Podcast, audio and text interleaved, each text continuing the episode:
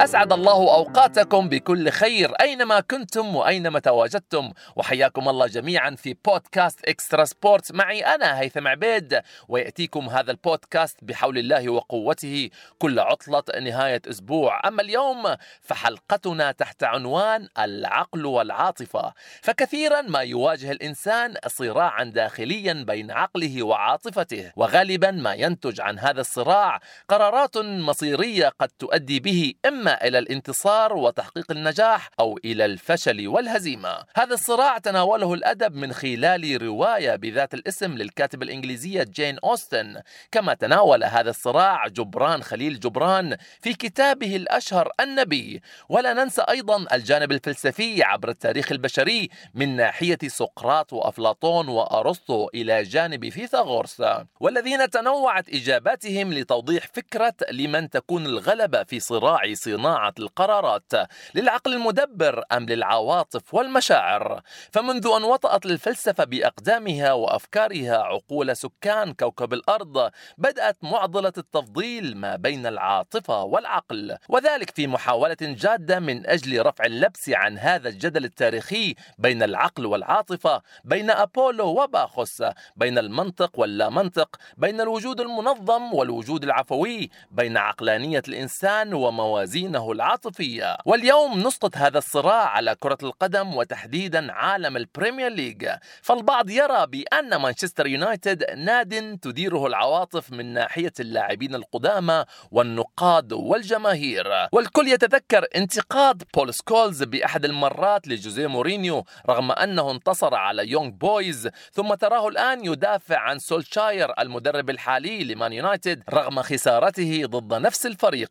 فلماذا يتم إبعاد العقل واللجوء لتحكيم العاطفة في قرارات ناد كبير كمانشستر يونايتد كقرار عودة كريستيانو رونالدو مرة أخرى إلى جانب التعاطف مع سولشاير على الرغم من الشكل والأداء الفني غير المرضي. وسيجيب على هذا التساؤل المحلل الرياضي الكابتن خلدون الشيخ والذي وافانا بهذه المداخلة الصوتية من العاصمة الإنجليزية لندن حيث يسكن ويعمل هناك. تحية طيبة هيثم وتحية لكل مستمعي بودكاست Extra Sport. موضوع شيق للغاية الحديث عن كيف يتحكم العقل أو القلب في القرارات الكروية. طبعا يعني بالنسبة لمانشستر يونايتد رأينا كيف حقق انتصارا غريبا على أتلانتا خسارة في شوط أول 2-0 ثم العودة بريمونتادا رهيبة والفوز 3-2 وطبعا كان الفارق هو كالمعتاد الدون CR 7 كريستيانو رونالدو.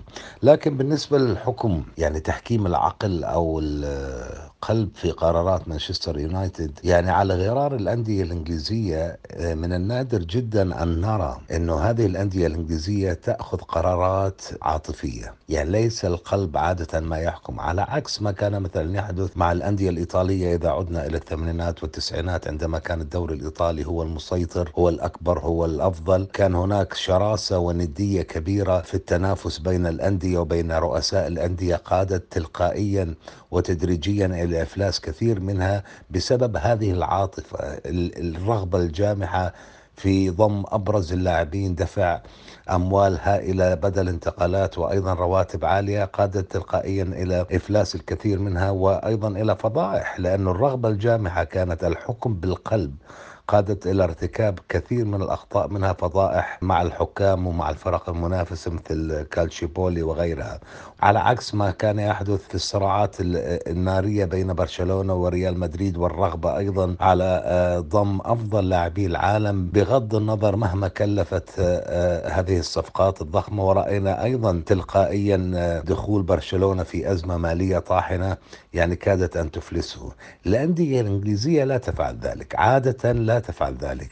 يعني شوف الأندية الإنجليزية إذا بنقارنها بالصفقات الضخمة الكبيرة اللي فاقت 100 مليون جنيه استرليني أو يورو تجدها هي الأقل صفقة أو صفقتين. يعني هذا الموسم فقط السيتي رغم ثرائه الفاحش هاي أول مرة بيصرف 100 مليون جنيه استرليني على لاعب. على عكس مثلا إذا أتلتيكو مدريد صرف أكثر من ذلك في على صفقة واحدة اللي هي كانت فيليكس جواو فيليكس وأيضا ريال باريس سان جيرمان برشلونة كلهم فعلوا ذلك وصرفوا مبالغ هائلة. اذا القلب لا يحكم أو العاطفة لا تحكم هذه الأندية لكن دائما هناك استثناءات.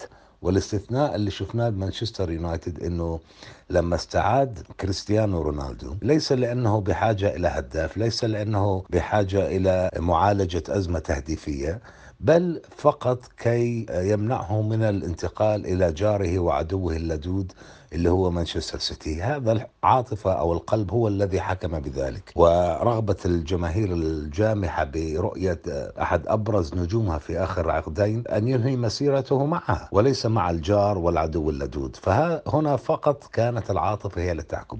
بالنسبة لسولشاير الطريقة كيف يدافع النجوم السابقون على زميلهم السابق. يعني سولشاير كان نجم التسعينات ومطلع الألفية مع السير أليكس فيرغسون كمان مفهوم. لا يمكن علنا أن آه، يعني يبدأوا يطالبون بالإقالة وقل ما يفعلون ذلك. رغم أنه اليوم أنا سمعت سكولز اللي إحنا اعتبرناه أحد أكبر المدافعين عن سولشاير اعتبر إنه رغم الفوز المثير على أتلانتا إنه أشعره بالخوف إنه هذا العرض لا يكفي سيء جدا. شعره حتى قاده يقول كنت أريد النوم في الشوط الأول.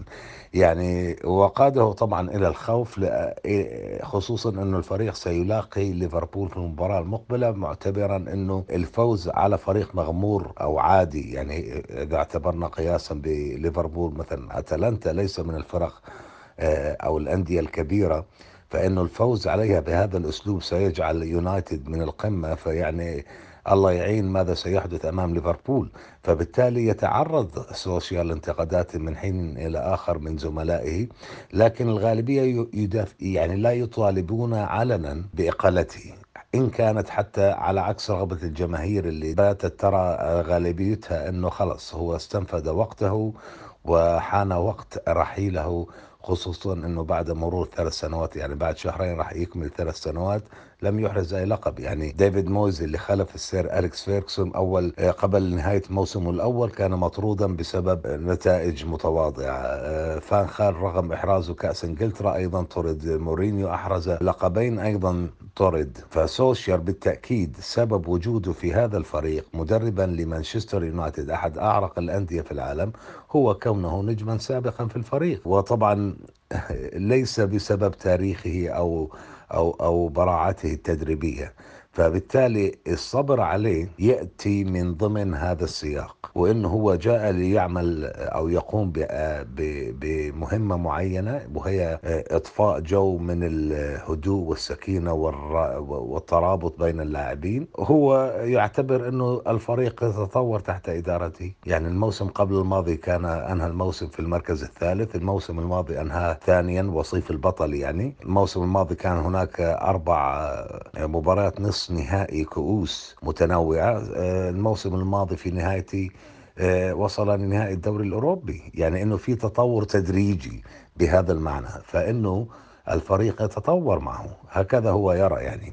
لكن أعتقد هناك حديث كبير على أنه إذا استمر الإخفاق طبعا اليوم هو تخطى أزمة كبيرة هذا أعطته حياة جديدة. لكن ما أعتقد أنه سيطول أكثر آه، سوشيال وبالنهاية العقل سيحكم وليس القلب في قصة إبقاء سولشاير مدربا لمانشستر يونايتد. أيضا نسأل الكابتن خلدون الشيخ عن خبر استحواذ صندوق الاستثمار السعودي على نادي نيوكاسل يونايتد بصفقة بلغت قيمتها 300 مليون جنيه استرليني. فعلى الجانب العاطفي أفرح هذا الخبر الكثير من الجماهير العربية والخليجية. لكن من ناحية العقل والتدبر كيف يرى الكابتن خلدون حاضر ومستقبل هذا الاستحواذ؟ بالنسبة لاستحواذ صندوق الاستثمار السعودي على نيوكاسل كيف سيكون مستقبل هذا الاستحواذ؟ أعتقد الأمور ستسير بشكل تدريجي. هو أصعب مما كان عليه تملك أبراموفيتش لتشيلسي تملك أبو ظبي للسيتي لأن الأمور كثيرة تغيرت. يعني صار الأمور أصعب من جهة القانون العدل المالي.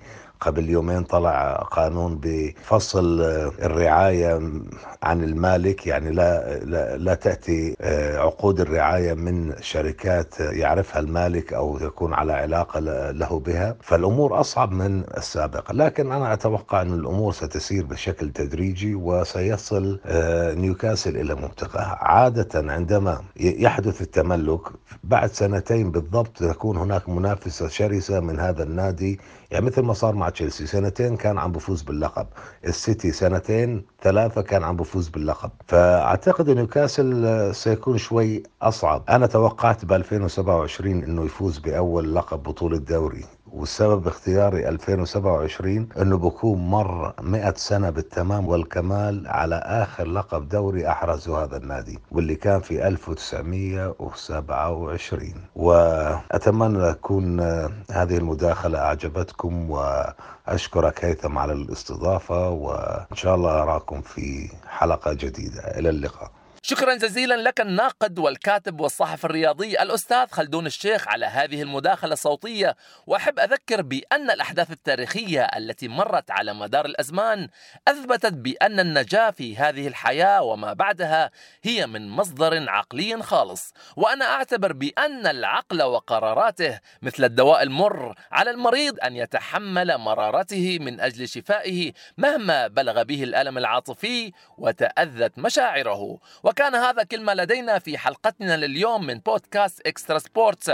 الشكر موصول لكل من استمع لنا وإن شاء الله تكون الحلقة كانت مفيدة لكم. وإذا ما كنتم تعرفون أحدا ما قد يستفيد أو سيستمتع بالاستماع لهذا البودكاست فرجاء شاركوه معه عبر وسائل التواصل وصفحات البودكاست المختلفة لكي تعم الفائدة بصورة أكبر. وإن شاء الله نلتقي في عطلة نهاية الأسبوع القادم.